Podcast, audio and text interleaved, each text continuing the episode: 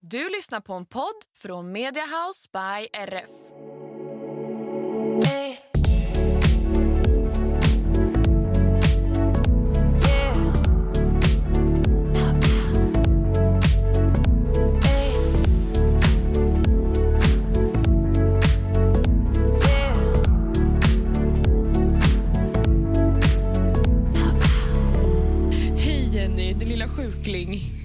Ja, vad är det för himla skräp? Jag vet inte. Skräp. Vi tog en liten konstpaus förra veckan på grund av sjukdom. Yes, och att mitt minne är som Doris i Hitta Nemo. Det är fruktansvärt ibland. Ja, det var, det var spännande. Jag satt och väntade på dig när vi hade så här ombokat så jag bara undrar, Åh. undrar hur det går för dig? Så jag bara, nej, nu har hon nog glömt bort. Ja, jag känner mig så hemsk jag tycker det är så vidrigt när man inte alltså, respekterar någon annans tid. Vilket jag Ja. verkligen gör högt och heligt, men speciellt dig och många andra i min närhet. Och sen så bara skriver du, är du redo snart? Och jag stänger av mitt ljud på telefonen nu för tiden för att jag känner att jag irriterar mig på ljudet. Ja. Och sen när jag tar upp telefonen bara, var är du? ja, då. På, på hästryggen. Du då? Ja, exakt. Ja. Bra jobbat tjejen. Det är sånt som händer. Jag vet någon gång så hade jag glömt bort att jag skulle ha ett möte så då var jag ute och red mitt ute i skogen Mm. och så fick jag en notis från Teams på telefonen Mm. att så här, möte med bla bla bla, bla om 15 minuter. Jag bara okej, nu är det spurten hem hästen. Men eh, jag hann det relativt bra, var någon minut sen. Ja men det var ju ändå grymt. Mm, ja, men det, så att eh, man är mänsklig va? Man glömmer bort grejer. Ja. ja, och sen har jag ju tappat allt igen. Det är min återkommande hitta rutiner och allting. Det är på pat- pateten, ja. Tapeten igen. För att det är inget som pateten har tagit tag i. Nej, okej, vad är det, Nej, vad är det nu det har bara fallerat helt. Alltså allt, jag vet inte. Eh, mycket för att eh, jag bor lite mer i stan nu och det är jättehärligt för att då har jag liksom lite mer eget hem igen. Mycket, mycket bra. Mycket bra. För att även umgås lite mera med the love of my life. Din kärste. Kärleks... Min, kä- min kärste. Min kärste. Mm. Vill du, side vill du prata, är han eh, hemlig eller kan du prata med honom? Jag ställde inte så mycket frågor förra gången för jag visste inte vad du kände. Han är oerhört ohemlig. Mhm. Men då tänker jag vi behöver en introduktion av denne Tim. Okej. Go. What do you wanna know? Jag vill Jag först, så ja, nu blir nu blir jag obekväm på andra sidan. Jätteskönt att sitta på den här sidan micken nu. Ja, inte obekväm för att det är något obekvämt att prata om egentligen, men jag är bara så... um, jag har inget problem att prata så här om mina vänner och allting, där kan jag prata om massor, men och när jag väl kommer börja prata igång om det här så är det inga problem heller. Det här är ju... Han är ju liksom verkligen, det, det är som att eh, någon där uppe, om vi nu tror att Gud skapar människor då, vi hittar på det, eller universum säger vi, för det är ju mer något som jag tror på. Universum har suttit här och lyssnat och skrivit ner varenda ord som jag och alla mina vänner har sagt att det här är en person som jag skulle må bra av att ha i min närhet och som jag själv känner så här. Tänk om man skulle ha en sån här människa i sitt liv, då hade det varit fullbordat. Och sen har någon, eller universum då, suttit där med sin lilla lerklump, format den här personen, tagit in alla egenskaper och allting och bara gjort Tim. Ja, det är så. Ja, Vad- vad och det är är det så för- irriterande för att alltså mina kompisar och jag brukar vara snälla människa, är det något fel på dig? Mhm. Som Oj. nu efter ridsportskalan. Människan blir inte bakis, väldigt skönt för honom. Mer irriterande för oss andra. Mm. Och då ställer han sig, diskar allting. Vi hade fördrink hemma hos oss. Ja det blir typ oss, men ja. Eh, i staden i lägenheten. Och eh, då ställer han sig alltså dagen efter, diskar allting i hela lägenheten och ingen diskmaskin och det är många glas, alla glas vi hade är ju använda. Mm. Jäklar. Och, eh, och så ställer han sig och bakar scones, fixar kaffe till alla, serverar och fixar. Alltså han är en sån liten homewife. Mm. Han är en sån fixig person. Gud vad, vad härligt. Det är en sån man vill ha. Ja. Man vill inte vara Ja. en housewife, man vill ha en houseman. Exakt. Nu har jag en houseman som även tjänar pengar och som har ett eget liv. Det är ju helt otroligt. Mm. Men vad är det för egenskaper ni har pratat om det här? Om du ska gå in på det mer. Ja. Nej men att han är så oerhört osjälvisk. Han är så genomsnäll på så många plan att, att väldigt, alltså han är oerhört genomsnäll mot mig och det kan man ju tycka så här, ja men han är kär i dig, men det, jag tycker att det är på ett sånt helt annat plan än vad, vad, jag, ha, vad jag har varit med om förut och vad jag ser i andra också. Bara det som att till exempel om vi tar alla människor som har eh, en partner som håller på med hästar eller ridsport eller liknande, då Mm. kanske det är 5% av alla eh, partners till den här eh, hästintresserade personen som hjälper till i stallet utan att klaga eller gnälla. Mm. Vilket han ser som en självklarhet att man gör det. För att han ser att det är, så här, det är kvalitetstid, det underlättar för mig. Sen är han väldigt eh, mån om att jag inte ska slita på min kropp, vilket är jättetacksamt. Jag har ju väldigt svårt att be om hjälp. För jag tycker inte att man eh, ska behöva göra det, men eh, jag behöver göra det lite mer än vad jag gör. Och ja, men alla sådana grejer, han bara fixar det och det är absolut det är en sak som man gör, men i grund och botten så handlar det ju om hans intention och hur han ja, men hur han verkligen gör det med kärlek i, i det.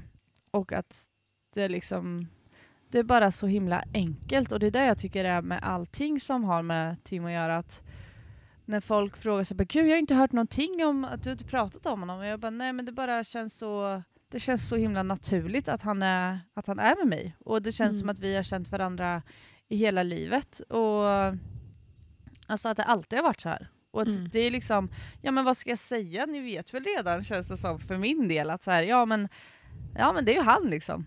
Eller alltså det finns liksom, det är svårt att, att ja, men beskriva det bara för att det är en sån självklarhet för mig, Mm. tror jag. Mm, det känns som att ni har känt varandra längre än vad ni har.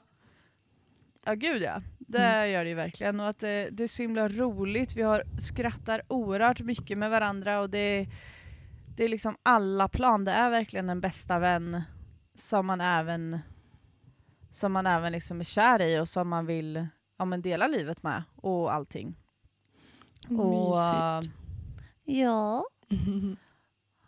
Nej men och det är väldigt så här, han är väldigt mån om att jag ska ha mitt liv och jag är oerhört mån om att han ska ha hans liv så jag är verkligen så här nu åker du iväg med dina kompisar och gör någonting och nu hör du av dig till dem och, Mm. och liksom att vi båda pushar för att vi ska lyckas i våra egna liv. Och att det, det handlar mer om att vara ett team och det tycker jag är väldigt viktigt och det tycker jag även som om man bortser från kärleksrelationer utan bara vänskap eller ja, men vilken relation som helst, att man ska se det som att man är ett team eh, och inte att man ska dra vinning på någonting utan ska man ska man vara med varandra oavsett relation så ska det ju vara för att man vill den andra, den andra sitt bästa och, Mm. och att det är en, en teamkänsla i grunden. Mm, Mysigt det låter. ja. Ja, men hur, hur träffades ni då?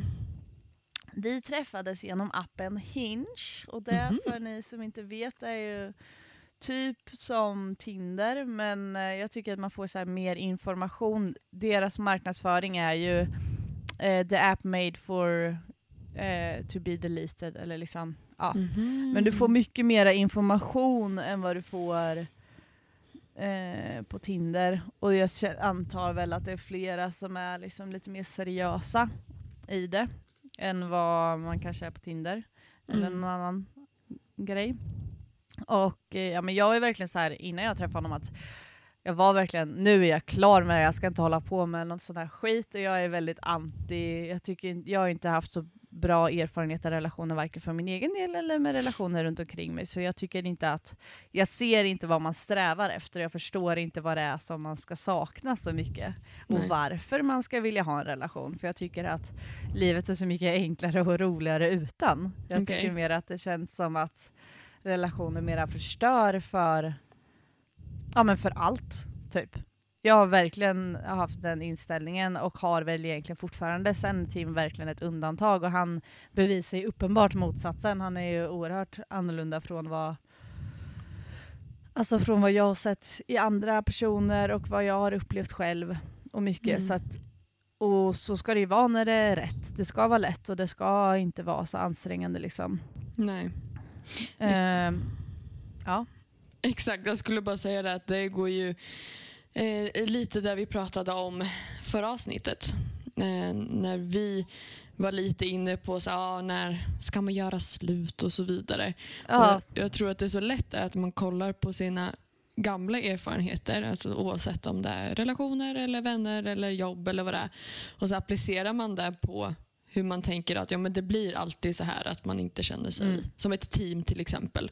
Eller vad det kan vara. Exakt. Så därför är inte det något för mig. Men eh, så jag tror kanske att det är därför du har haft den inställningen. Att du tänker att utifrån dina tidigare erfarenheter och de du har träffat och varit med och så vidare. Så har du tänkt att jo men alla är så här. Det, kom, det är så här det är att vara i en relation. Och inte den ja här teamkänslan som ni har nu. Nej, och um, nej men så jag hade ju verkligen tänkt jag skulle ta bort appen och jag skulle bara skita i det här. Så, men så hade vi redan bestämt att vi skulle gå ut och äta, så vi skulle gå på en dejt. Och han var oerhört rolig redan från början när vi skrev och det var så här lätt och men han drog till med något så här. Ja, behöver man eh, ställa sig i kö för att få kliva in i din kalender eller kan man bara boka ett datum typ? Och sen så bara, ja men det bara fortgick med att han var väldigt så här lättsam och härlig och skojfrisk från början. Så jag tyckte Mm. ändå så här, äh, det kan väl vara värt att gå på en middag, jag ska ändå äta typ.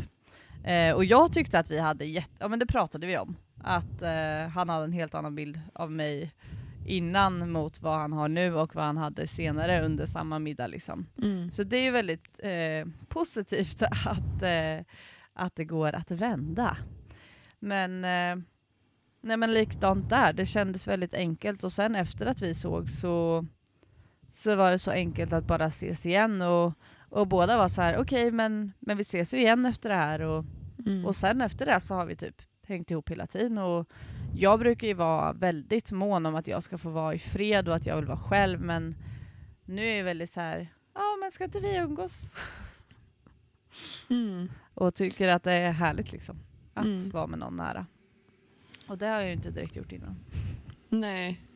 Nej, och, och ibland så tror jag också att man, när man känner den här, när man börjar träffa någon, att man är alltid lite nervös och sådär, lite pirrigt, så är det ju alltid liksom.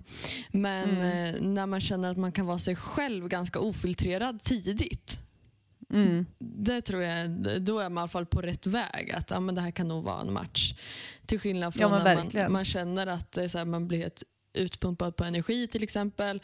För att det känns som man behöver bete sig på ett visst sätt. Eller hur det kan vara. Mm. Då tror jag då är man fel ute. Ja men verkligen och sen att eh, ja, men jag var ju också väldigt tydlig med att jag vill absolut inte ha en relation. Jaha, du Det sa här, det till eh, honom? Ja gud ja. Alltså men så gud, ofiltrerad som jag är. Jaha, Och jag oj. bara, jag kommer, och det här säger jag, säger ofta så här dumma grejer för att jag ville så här, få, bort, få bort intressenterna för att jag bara, vi skiter i det innan det gör ont liksom. Mm, mm, Och eh, ja, men var väldigt så här. jag har så extremt mycket i mitt eget liv, jag har jättemycket vänner som jag tänker prioritera och jag kommer inte bortprioritera dem på grund av dig. Är det så att vi, eh, att vi blir någonting så, eh, så kompromissar vi absolut, men jag kommer alltid sätta mina vänner före och jag kommer alltid sätta min familj före och liksom, du kommer hamna liksom här borta på prioriteringslistan. Och tycker du att det är jobbigt att jag inte har tid så kommer du bara tycka att det kommer bli jobbigare för det här kommer inte ta slut, det kommer bara gå uppför. Och uh, ja men verkligen så här allting som man kan tycka är jobbigt, det bara la jag fram på, på en tallrik bara, här är det och tycker du inte att det här låter som att det är en möjlighet för dig så slutar vi nu. Och han var så här, det gör ingenting, det löser sig. Mhm. Jag har inget emot det. Jag vill att du har ett eget liv. Jag har ett eget liv. Du ska alltid prioritera dina kompisar.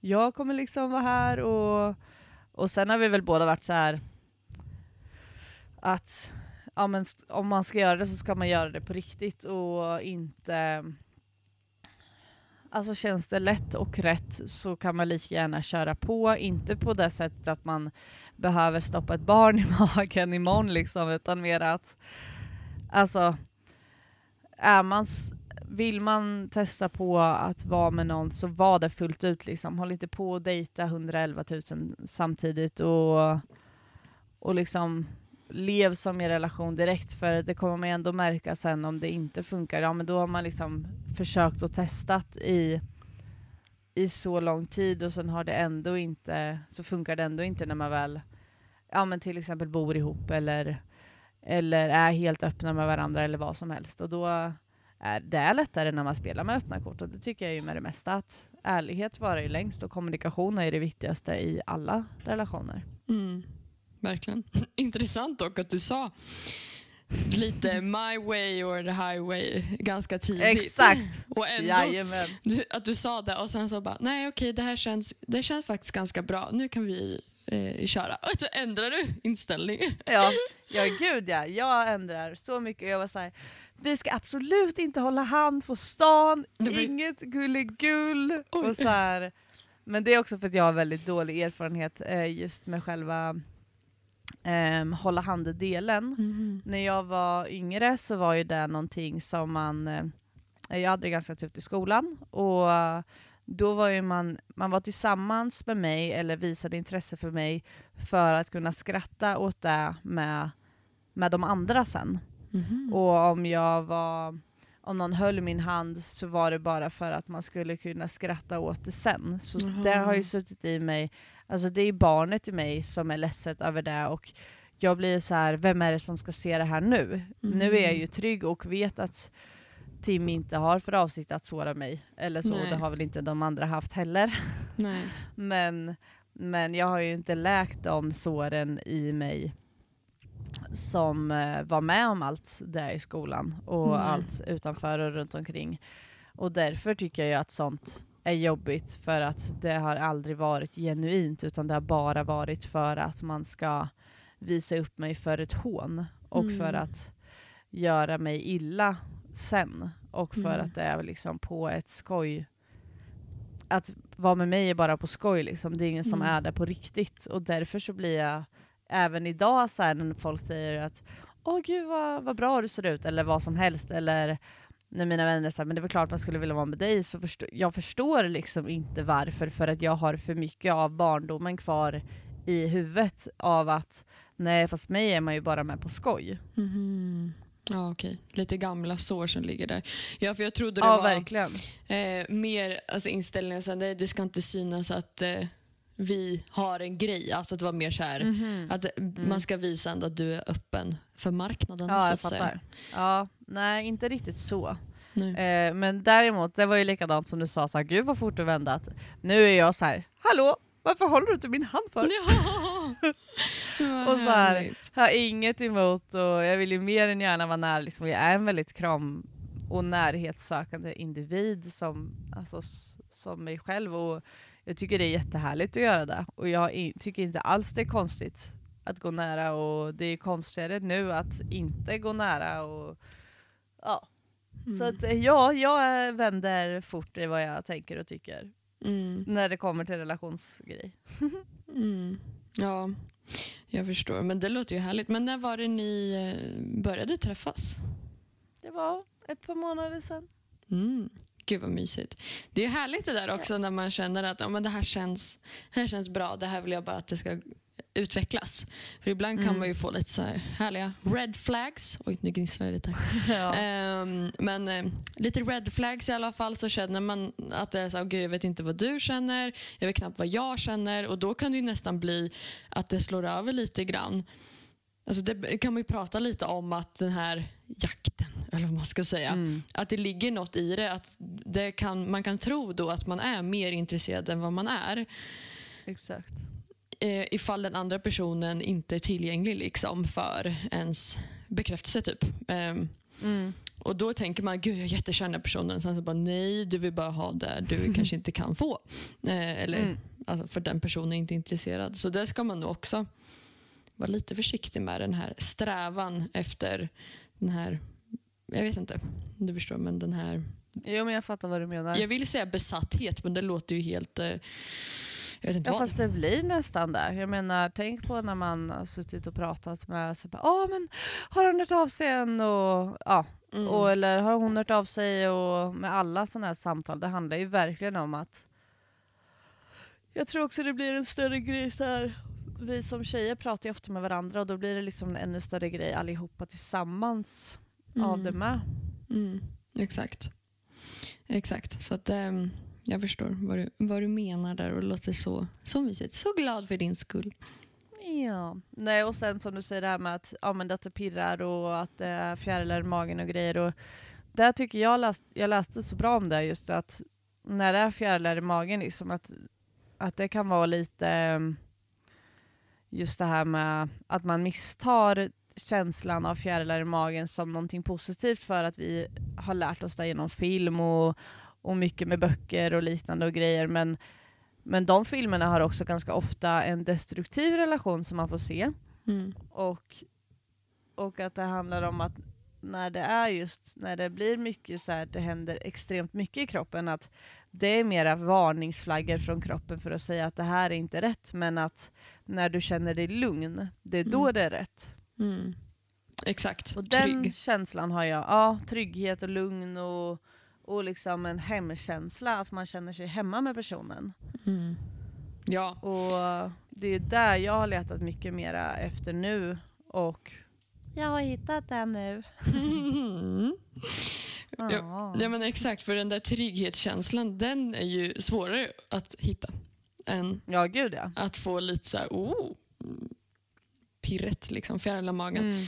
För det kan man ju få bara om man ser någon man tycker ser attraktiv ut. Alltså, Ja men exakt. Jo Eh. men verkligen. Och, och mera idén av det kan vara pirrande än alltså, än hela förloppet i sig. mm, exakt. Gud vad mysigt. Spännande att följa. följa. Ja men Mhm. visst.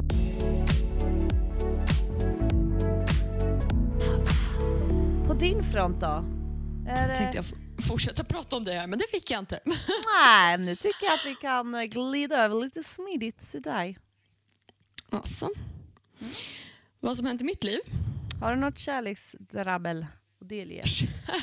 Kärleksdrabbel. Ja, det kanske det finns, men... Asså, ehm, inget som ja. vill delges här. Mm, jag håller nog lite på den, tror jag. Men det kan jag få vill jag- veta. Då vill jag höra sen när vi har slutat spela in. Eller hur? Eller hur? Men ehm, nej, men annars om vi tar bort från om vi inte snackar kärlek längre, blir jag helt stapplig här. Ja, jag, jag menar ju det, det är ju jättelätt när man sitter och ska förhöra någon annan om sina känslor, men när man själv sitter där i, i röda stolen, då är det inte så lätt. Nej, nej, Nej. det är verkligen inte det. Det att man tycker att det är en så stor grej liksom. Jag vet Men- inte varför, men det känns som att vi inte vi är inte lärda att prata om det bra och om de fina känslorna. Nej, vet precis, de, de mörka grejerna, det kan vi prata om hur mycket som helst. Ja, Men sen när det kommer till problem. någonting bra så bara, nej, nu blir jag lite nervös, nu får vi... Ja, nu Nu blir det lite mörkt. pinsamt. Nu, nu, nu blir jag lite Ja. generad. Ja, verkligen. Ehm, nej, men det kommer nog en uppföljning på just det någon gång, tror jag. Eh, Oho. förhoppningsvis. Men eh, annars i mitt liv så går det bra i alla fall. Tackar som frågar. Ja, men varsågod, varsågod. Vad vill du, vad vill du delge av ditt liv då som är eh, okej offentligt? Eh. Jag vet inte, men jag är väldigt intresserad av att höra mer om Risborgsgalan faktiskt, som du har varit på. Okej, ja men då går vi in på den då så backar vi Mm. tillbaka till dig sen. Ja, det går bra. För nu är jag Ja. nyfiken. Hur Ja. var det? Jag tyckte det var jättetrevligt och jätteroligt och jag kände mig oerhört fin i min lilla klänning och mina små klackskor. Min kropp Mm. är däremot oerhört missnöjd med valet av skor. Jaha. Så jag får eh, skärpa mig igen. Det är ju inte så eh, bra att gå i stilettklackar. Det vet vi ju Mm. sedan länge. Ja, nej, det, det brukar jag inte göra. Stilett är väl att ta i. Men pumps. Ja. Ja. Men ibland så vill man ju bara vara så där extra fin och då kan man inte komma in där i några gympaskor liksom. Det går ju inte. Nej, det, alltså det, är, det är en speciell känsla att på sig klackskor. Mm, jag älskar det. Jag gick alltid i klackskor förr. Ja, jag vet. Du ser alltid Ja. så himla eh, fancy ut. Mm. Vilket man Och sen- gör. Och Och framför allt, jag minns förut när man började använda klackskor så tyckte man att det var så... Dels kunde man inte gå i det, men det är en annan femma. Men sen så tyckte jag att det var lite jobbigt att det lät om dem i början. Men nu är det liksom, jag bara nej, ska, man ska höra att det klackas in i det rummet jag går in i. Exakt! Det är power. Man kommer ju där och bara, här är jag. Ja, här är jag. Så blir man ju eh, riktigt lång också i klackskor. Både du och jag är Ja. ganska långa. Men det, Ja. Förr tyckte jag att det var lite jobbigt, men nu är det liksom nej. The taller, the better. Exakt. Jag håller helt med. Nej men jag tycker Ridsportskalan i sig är ett så himla härligt event just för att att det är så blandade åldrar, att alla är välkomna och att, att alla verkligen får klä upp sig och att man, man behöver inte vara, alltså det finns ju ingen gräns för hur fin du kan vara och det tycker jag är härligt att många verkligen klär upp sig och att det är en sån gemenskap, det är så mycket delad glädje, att det är, de har samma band hela tiden och ja, men man har lite, inte att man har en relation till människorna i sig, men, men det blir en sån samhörighet med alla som är där. Mm. Och um, ja men konfessiern heter det inte?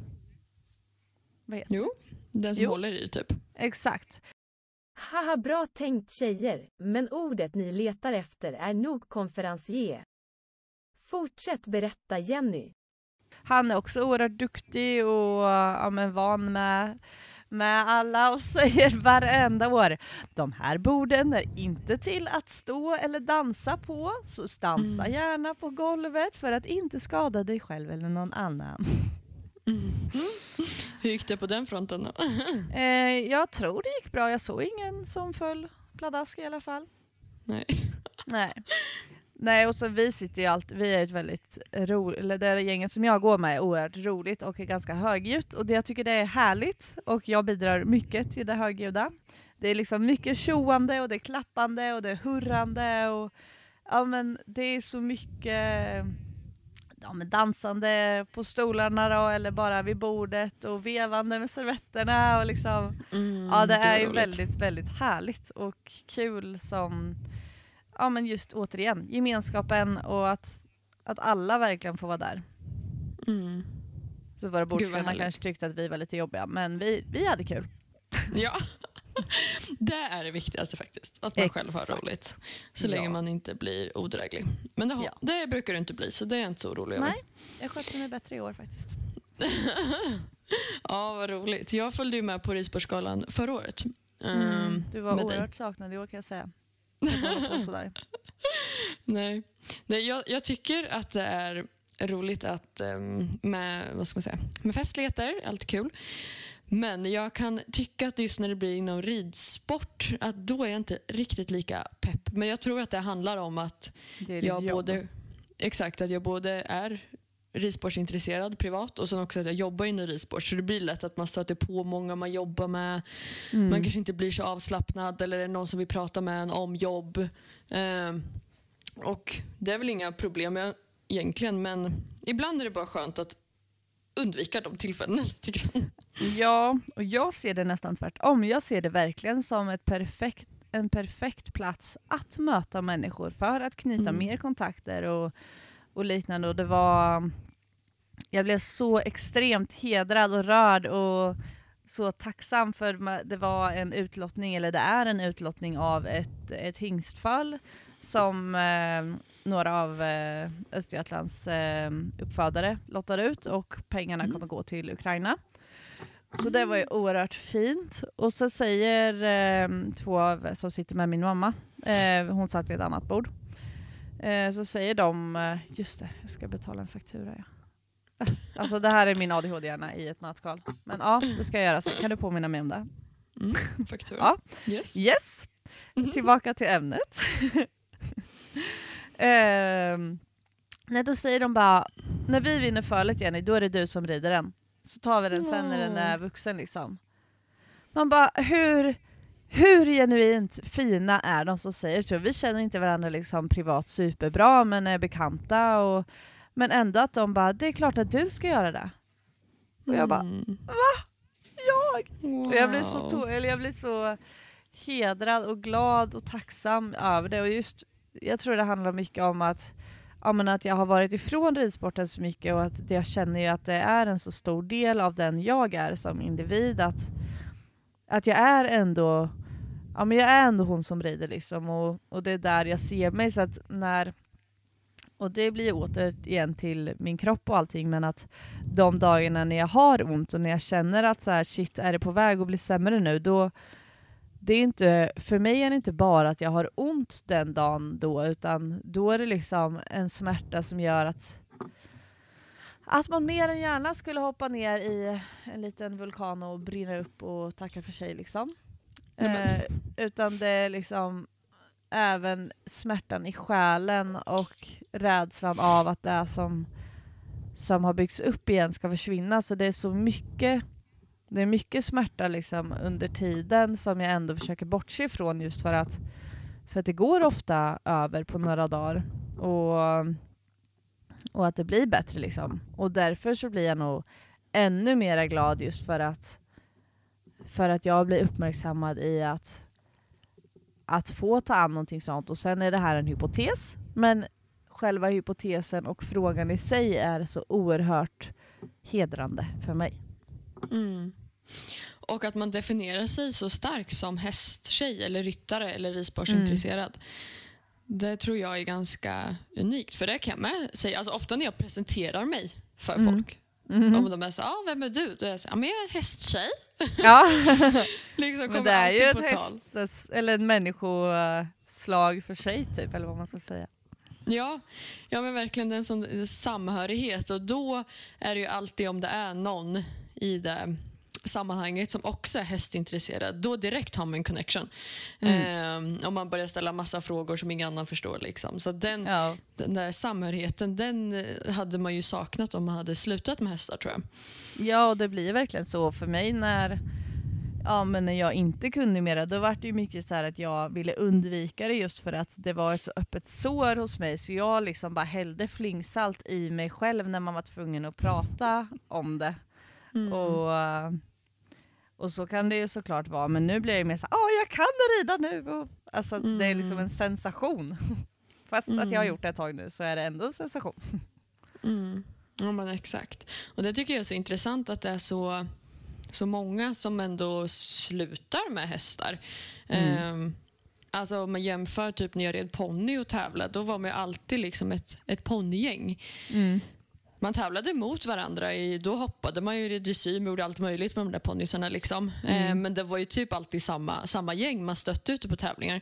Men om man tittar idag, som är så här, ja, åtta, åtta år senare, åtta, tio år senare, så är det ju många som faktiskt har lagt ridstövlarna på hyllan. Jo men verkligen och jag tror det handlar om att det är så pass mycket jobb och det är så pass mycket slit och det är en livsstil. Det är inte bara en utövande sport. Eh, för det var ju många som sa till mig, men kan du inte bara välja någonting annat? Kan du inte, du kan väl börja med någon ny sport? Mm. Ja fast det är inte samma sak, alltså det är inte samma mm. grej att och börja spela tennis en gång i veckan liksom. Eller vad som mm. helst, jag bara tog något nu men det är en helt, helt annan grej och det är klart att jag tyckte gym, gymmet var härligt och allting och det är någonting som man behöver också och jag tycker det är väldigt bra att det har kommit upp så mycket mer att, så här, att man behöver som ryttare också tänka på hur man är, att man är ändå en idrottare, att man behöver tänka på sin kost och sin fysiska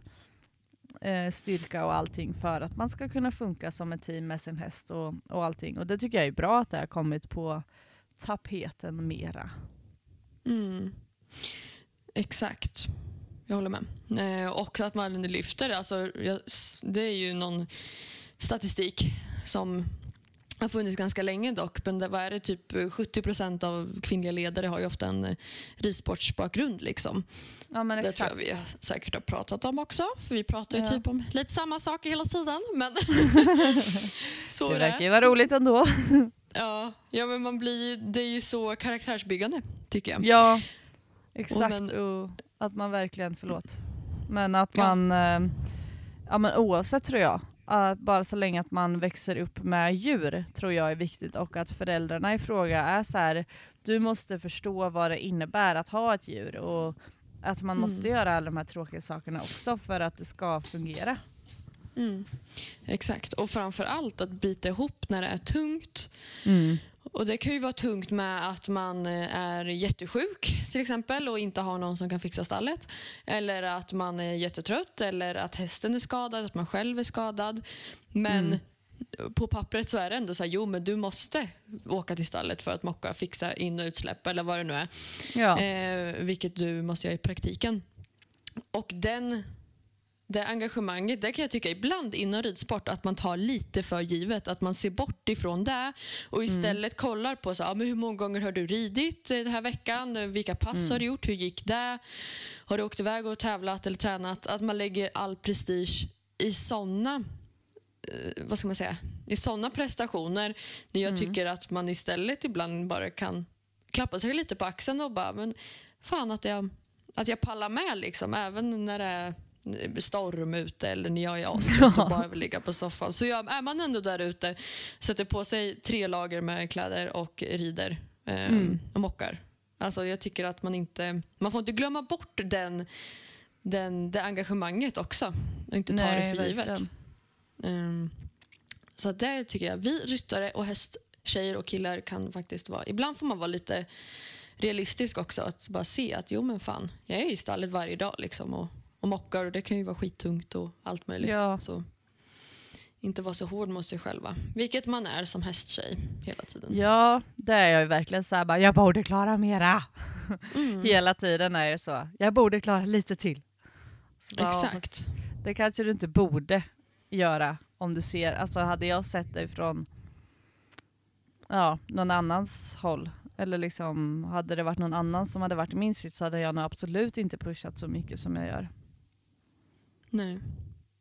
Men det Nej, känns exakt. också så nödvändigt när eller ja, det är en så komplicerad fråga i sig för självklart så ska man ju värna Ja men som igår Hej Jespen Som igår, då var det liksom så himla bra väder, banan var jättefin och allting. Jag var verkligen så här. Jag borde verkligen ta vara på det här nu. Just för att jag inte har ridit så jag behöver verkligen ta vara på eh, underlaget. Men så Mm. kände jag verkligen så här, jag är inte helt sjuk men jag är inte helt hundra. Jag ville typ Mm. bara sova hela tiden. Mm. Och eh, då kände jag, men då gör jag det. För att det är det jag känner och behöver. Mm. Men jag blir ändå så här. gud vad du inte gör vad du ska nu. Ja. Och det blir så kluvet för att jag gör verkligen det jag ska. För jag tar hand om Mm. min kropp så att jag senare ska kunna göra det jag, det jag vill och ska. För att om jag inte tar hand om det när det är lite på gränsen så kommer jag ju få ta hand om det så mycket längre när det är helt utanför liksom. Mm. Och jag kan tycka att det är ganska svårt och kluvet för att jag är ganska uppväxt med att är alla kroppsdelar hela, då gör du som du ska. Mm. Exakt, och undra vart den inställningen kommer ifrån. För det där tror jag gäller typ alla som har häst. Liksom. Ehm, eller i alla fall väldigt många av oss som har häst. Att man har inställningen att ja men nu är det bra väder till exempel. Nu måste jag ut och trimma och rida och prestera. Mm. Men samtidigt är det så här, men hur realistiskt är det? Och sen om det är, visst om man vore en elitryttare, ja då är det ju en annan sak för då livnär du ju på att du är i sadeln på ett annat Ja. sätt än Ja, vad i alla fall jag gör. Att Mm. Jag livnär mig på att jag sitter framför datorn oftast, eh, Mm. Än i sadeln.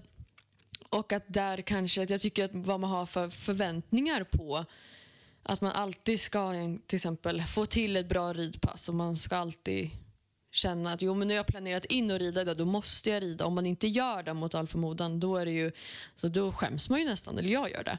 Mm.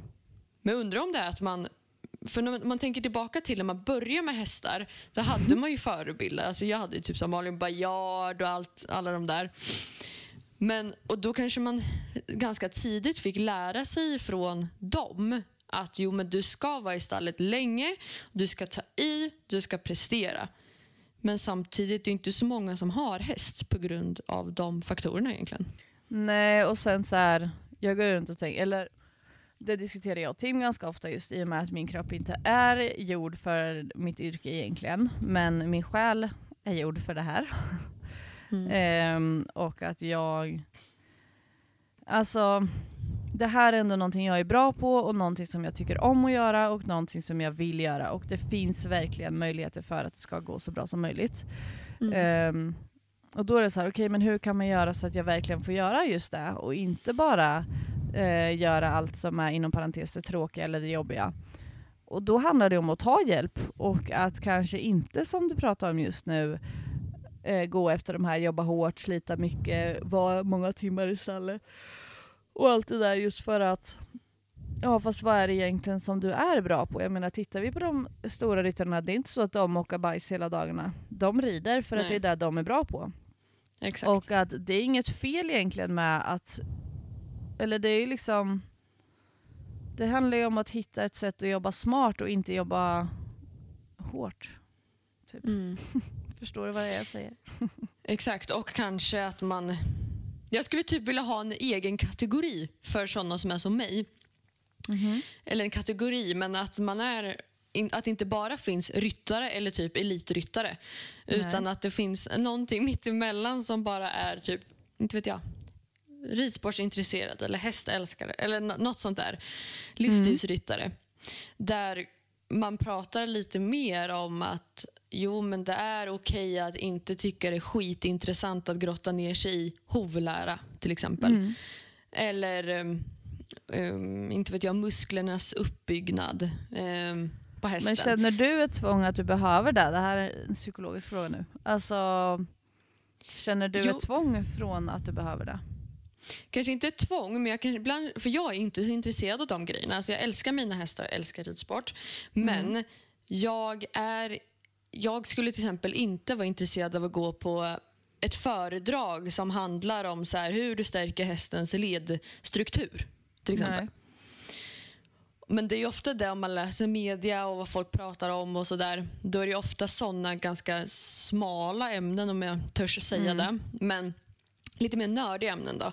Och då kan jag bli så här, gud är jag är det något fel att jag inte är så intresserad av just det här eh, på Mm. den nivån? Och det tycker jag att det är, så jag, tror att, jag tror att det är fler som känner som mig. Att ja man men gillar det tycker jag och tänker jag verkligen att det är. Jag menar jag kan absolut också känna att jag bör intressera mig mer om alla de här grejerna men det jag vill göra det är att rida och bli bättre på det och jag lyssnar ju på mycket poddar kring sånt också. Eh, där det är oerhört mycket nörderi och jag tar lärdom av det. Men jag känner inte att jag kanske har intresse nog att sitta i en, en och en halv timme och lyssna på just det du pratar om nu. Även om jag vet att det kanske skulle vara gynnsamt att göra det. Mm. Exakt, och jag tror kanske att i grund och botten så ligger det något i att i alla fall jag gör inte det här för att bli bäst Nej. på något sätt. Alltså, och det har jag varit ganska öppen med, men det kan vi också få lite så här, när, man, när folk frågar hur mycket tävlar du, vad har du tävlat för höjder och klasser och allt. Så är det så här, "Nja, men jag, ja, visst har jag tävlat, men det är inga meriter riktigt som jag skulle hänga i någon gran. Eh, Nej. Och man pratar om den inställningen att det är så här, nej men jag har inte häst därför utan jag har häst mer för att dels att jag älskar mina hästar men, och det är jättekul att rida. Jag gillar den livsstilen, passar mig väldigt bra. Mm. Mer därför jag gör det och inte så mycket att nej men jag behöver kanske inte veta allt om hovlära. Då kan jag googla eller fråga min hovslagare eller någon veterinär om jag vill veta. Ja precis och det hörde jag också i um, Elsa och Johannas eh, podd. Jag tycker faktiskt den är väldigt bra för jag tycker de har väldigt så här, matnyttig information och ja, men den är rolig att lyssna på. Och Mm. då sa de där just att de tror att det kommer bli en lite mer större klyfta, att det finns många hemmaryttare och att det blir en mer tydlig gräns mellan hemmaryttarna och tävlingsryttarna. Och att det tror jag verkligen på och att då kanske det blir mera om du nu vill ha en kategori att du innefattas mer i hemmaryttarna. Mm. Och jag tycker ju att det är roligt, alltså jag älskar ju själva tävlingslivet men det är ju för mig flera flera år sedan nu så att det kanske jag inte vet att jag gör fortfarande. Jag kanske är skitdålig på det här för jag har ju inte tränat på att tävla på länge. så, men för mig är det ju också jag älskar ju att känna att hästen får lyckas tillsammans med mig på ett träningspass eller vad som. Och sen är det roligt att ha mål att sikta efter. För det tycker jag ju alltid det. Alltså målsättning och allting. Det gör ju att det blir mycket lättare att, att komma någonstans. Mm. Exakt. Exakt, och då menar jag inte eller jag själv kan ju känna att så här, nej, det betyder ju inte att jag inte vill utvecklas. Det är inte där det Nej. handlar om. Utan mer bara att jag har ett intresse, men intresset ligger kanske inte i så mycket att bli så bra som möjligt. Eh, alltid, eller att bli, bli bäst på något. Alltså det är inte riktigt dit jag strävar efter. Utan jag det vill mer... skönt. Ja, jag tycker det är ganska skönt. Men Ja, då, då är det det som är det viktiga, för det är det jag förstår, eller som jag uppfattar det lite så ligger det ändå i grund att det är många andras tankar som ligger i grund till den här tanken som du har nu. Tankar Mm. och åsikter. Ja men absolut, det gör det ju. Men annars hade jag inte suttit här och snackat om det om det inte var Nej. att jag blev påverkad av någon annan. Så så är det ju. Men då tänker jag också så här, eh, det är synd att inte fler kanske pratar om, okej, att det inte finns så mycket rätt eller fel. Jag tänker på många, den diskussion vi hade förut om att det är många som slutar med hästar. Och den också att under ponnytiden, eller min erfarenhet av det, då är ju liksom att då var man extremt intresserad och man älskade att tävla och träna. Man ville åka på eh, träningsläger och allt vad det var med meetings. För man hade inte så mycket annat. Man gick i skolan lite och så hade man sin ponny.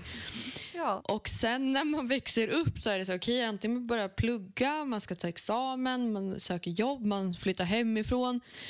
Och det är kanske inte så konstigt att man inte kan leva upp på sam- ligga på samma nivå längre Nej. när man blir äldre. Eh, och Det kanske kan vara en anledning till att många inte pallar med. För det är liksom att nej men jag vill inte iväg och träna och tävla varje helg. För jag kanske inte har Nej. råd för jag måste betala allt själv till exempel. Eller inte orkar, ja, och inte sen är tid. det ju ofta i, ton, i tonåren som många tappas av, eller liksom när många slutar med ridningen också. Det handlar ju om att du måste prioritera bort mycket vänskap och fester och gemenskap kring inom parentes det vanliga livet och att då måste du verkligen engagera dig i ridsportslivet och det är där mycket man rensar, vad säger man? Eh, ja, nu kan jag inte talesättet men eh, råget från vetet. Säger man det verkligen? ja, just det. Något Oj, sånt där. Men, ja men du vet vad jag menar. Mm. Ehm, och att det är liksom det är där som det är där Jösses. skiftet sker lite. Men det handlar ju också om, alltså som när man är vuxen, att så här, ja med rent ekonomiska frågor också. Och det kommer man ju tyvärr aldrig ifrån även om det inte behöver vara det centrala i livet. Nej. Exakt, men jag undrar om fler hade kunnat stanna inom ridsport. För jag tycker det är tråkigt när folk slutar rida. Ehm, I alla fall av anledningen att det känns som man inte har tid. Mm. Då tänker jag att det finns olika nivåer av att ha häst. Man behöver inte ens ha egen Verkligen. häst. Eh, men att om man går in med inställningen att jo, men du ska ligga på samma nivå som du gjorde till exempel när man var mer aktiv, nu säger jag tävlingsryttare, eller om man Mm. hade flera hästar. Och sen inser man att nej, men jag vill också ha ett socialt liv, att man lägger på det och att det är då okej att dra ner lite på hästlivet men det finns fortfarande en lösning som är ehm, som är okej. Alltså som, ja, då kanske du inte åker iväg och tävlar så mycket, du kanske inte tränar så mycket, men du är i stallet så ofta du kan. Ja. det är också okej att du inte behöver göra all in eller inte alls. Och Nej, den, exakt. För just den där diskussionen kan jag bli lite allergisk mot att det är att om du har häst då ska du ägna all din vakna tid åt att tänka på hästen, vara med hästen, vara i stallet. För det ser man ju bara på, om man sitter och scrollar på Instagram eller TikTok, att det är många som pratar om att man har en häst och då cirkulerar hela ens liv om det. Ja, Men- och där kan väl inte jag känna alls att jag kan eh, stämma in för att för mig är det ju så mycket för mig är mina hästar både, alltså Cosmoni framförallt är ju min hjärtehäst liksom. Ehm, men mina hästar är också mitt jobb liksom. Och Mm. Då är det så mycket mera än bara gulligull. Ja men exakt. Att jag tycker nästan ibland att det kan bli, inte toxic, men eh, jag tycker typ inte att eh, den inställningen är så sund. Att det är att men bara för att du har en häst, då ska du bara tänka på den här hästen hela tiden. Du ska bara tänka ridsport dygnet runt. Nej men så är det väl med allting. Alltså, med jobb, med sambo, med sin vän, med sin, sitt djur. Alltså så här, Och det handlar väl återigen om att hitta den här berömda balansen, liksom att det är bra att inte fästa sig tusen procent till allt och inget. Liksom. Nej, exakt. Nej, men precis. Och den diskussionen om man tänker att så här, nej, men du ska inte bara ut och kröka varje helg. Det förstår ju Nej. folk inte är hälsosamt. Men om man då tittar på just ridsporten, då är det ju mer normaliserat att du ska ägna all din vakna tid åt den här hästen. Du ska skita i vad du äter, men ska Mm. sitta och liksom räkna eh, gram vad hästen får i sig i pellets varje dag. Mm, Ehm, det tycker jag är helt sjukt. Ja, jag, alltså en grej jag är så jäkla trött på det är de här alla företag oftast som gör reels om för att driva med ryttare och då är det ofta en sån där grej folk gör. Att det är så här, hur du tar hand om dig själv och då är det liksom man sover ingenting, man duschar aldrig, man ser för jävligt ut, eh, äter ingenting och sen är hästen helt så här skinande ren, nya tecken, eh, liksom foderstat som är beräknad in i det minsta, sista lilla liksom. Och där säger jag, men det där tycker jag känns outdated. Alltså, vad fan, ta hand om er själva också. Gör någonting annat som inte inkluderar häst. För annars Ja. kommer man nog inte palla med. Nej, precis. Utan det handlar ju om att återigen hitta balansen och att göra, göra det så bra som möjligt. Men där handlar det återigen, som vi alltid pratar om, att försöka strukturera upp ett schema som passar med det livet som man vill leva, som inkluderar allting som allting i den mån det går som får livet att bli så smidigt och bra som möjligt. Ja, exakt. Men det handlar ju om att man måste känna också att det är okej. Till exempel en helg. Om det är att Ofta som hästmänniska tycker jag att då på helgen planerar man in så mycket stalltid som möjligt.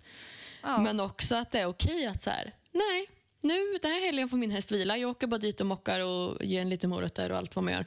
ja. Och sen så ska jag ligga i soffan hela dagen. Och det är helt okej. Jag är lika mycket värdig hästmänniska som det. Ja, verkligen.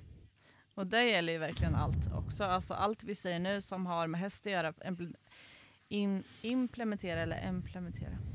Applicera tar vi istället. Vi byter om eh, orden till Mm. applicera. Applicera det på ditt liv och, och ta det liksom som, som jobb eller som vad du än gör liksom. Så Mm. strunta, eller istället tänk dig in i ditt liv där vi pratar om så att du inte bara tänker att ah, men det där går inte att applicera på mig för jag håller inte på med hästar. Nej fast du kan ju, håller väl antagligen på med någonting annat. Du sitter ju inte bara och rullar tummarna hela dagarna. Så det går alltid Nej. att ta del av vad någon annan säger även om det inte är i helt relation till vad man själv gör så finns det alltid likheter i alla och man kan alltid ta hjälp av alla människor runt sig på något, ett eller annat sätt. Mm. Exakt. Men eh, ja, nej, det, det är sådana grejer jag kan fundera lite på. Som jag är väldigt, eh, precis som du, man är mm, väldigt insatt i branschen av olika skäl. Ja. Och då kan jag reagera lite på att på det sättet man väljer att promota sig som hästmänniska är att hela ens liv kretsar kring de där kusarna. Liksom. Ja. Fast man i grund och botten kanske inte ens tävlar. Eh, inte för att det är något fel, men att då är det så här, men varför måste ditt liv kretsa kring det här? Du kan väl ha lite mer grejer också i ditt liv, för annars kommer du nog bli lite, Trött på det. ja, lite trött på det eller att du känner dig otillräcklig. Eller vad det nu Ja. kan vara. Så det var Rebeckas rant för veckan i alla fall. Ja. Hästfolk. Vi... Nej då. Hästfolk, de, Ska är- du de göra är någonting eh, härligt i veckan eller någonting som du ser fram emot? Um, jag var tvungen att tänka. Nej. Ehm, ja, svårt att svara på en tisdag vid lunch känner jag. Om jag ska ha någon kul i veckan. För tisdagar är min värsta dag i veckan. Ehm, Ja, men då borde du väl se fram emot någonting, emot någonting. Mm, ja, jag vet inte fan. Du kan inte ställa sådana frågor till mig nu. Nej, jag märker det. Det brukar vara väldigt svårt att svara på, vilket jag tycker är märkligt. ja, nej, jag, vet inte. jag tycker nog det mesta är ganska kul just nu. Vilket är Vad skönt. kul! Ja, det, ja, men jag ser typ fram emot allt. Känner jag. Det är Vad kul att, roligt. kul att jobba, det är kul att träna, det är kul att vara i stallet, det är kul att vara hemma. Mhm. Kul att vara med kompisar. Och det är ju inte så ofta allt det lirar på den nivån, men nu gör det det. Så nu tänker jag bara njuta av det. Ja, flyt på vågen. Exakt. Du då, ska du ha skojigt? Ja, jag ska åka och hälsa på min pappa i helgen. Och det blir liksom, att åka dit är som semester för mig. Man kan sitta vid Mhm. vattnet och bara, bara vara. Och Existera. titta på film och bli serverad lite mat. Och, ja. Mm. Gud vad mysigt. ja, ta det lite lugnt. Vart bor han någonstans? Han bor eh, på Torpön, så det är typ en timme härifrån. Mhm. Så tyvärr blir det inte att man hälsar på så ofta som jag vill och bör. Men ehm, när jag väl gör det så blir det väldigt härligt. Och på sommaren är det ju fantastiskt. Det ser jag ju som min sommarstuga. Åka ner dit och bada och bara ta det lugnt och njuta av. Alltså naturen är så annorlunda neråt till. Det är ju mera mot Tranåshållet för er som inte vet. Och Sommen är ju vattnet som är så han bor liksom. I och med att det är på en ö så blir det ju eh, ja, men klippkanter som man badar ifrån och det är så, så härligt. Wow. Jag kommer inte bada i helgen så det är inte det jag säger. Men, men bara att vara nere vid vattnet tycker jag är harmoniskt och härligt. Mm, Gud vad mysigt. Ja du, det, nu har det gått en timme här. Ja, vi är duktiga på Mm. att prata. Verkligen, gud ja. Det, det löser vi. Så Ja. får vi se. Men ehm, då så. Då har du något mer att tillägga?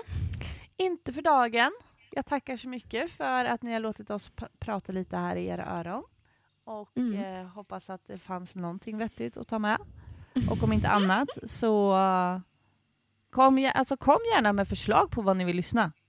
Skriv Mm. till Rebecka eller mig på Instagram. Jag heter Jenny Gomer där och Rebecka heter, Rebecka Fredriksson. ja, med K. Mm. Ja, CK stavas mitt namn. Och K och dubbel S mitt efternamn. Ja. Mm. Exakt, ja men eh, skriv det så får vi se. Nu har vi pratat lite högt och lågt. Nu är det typ första gången vi faktiskt har pratat om ridsport känns det som.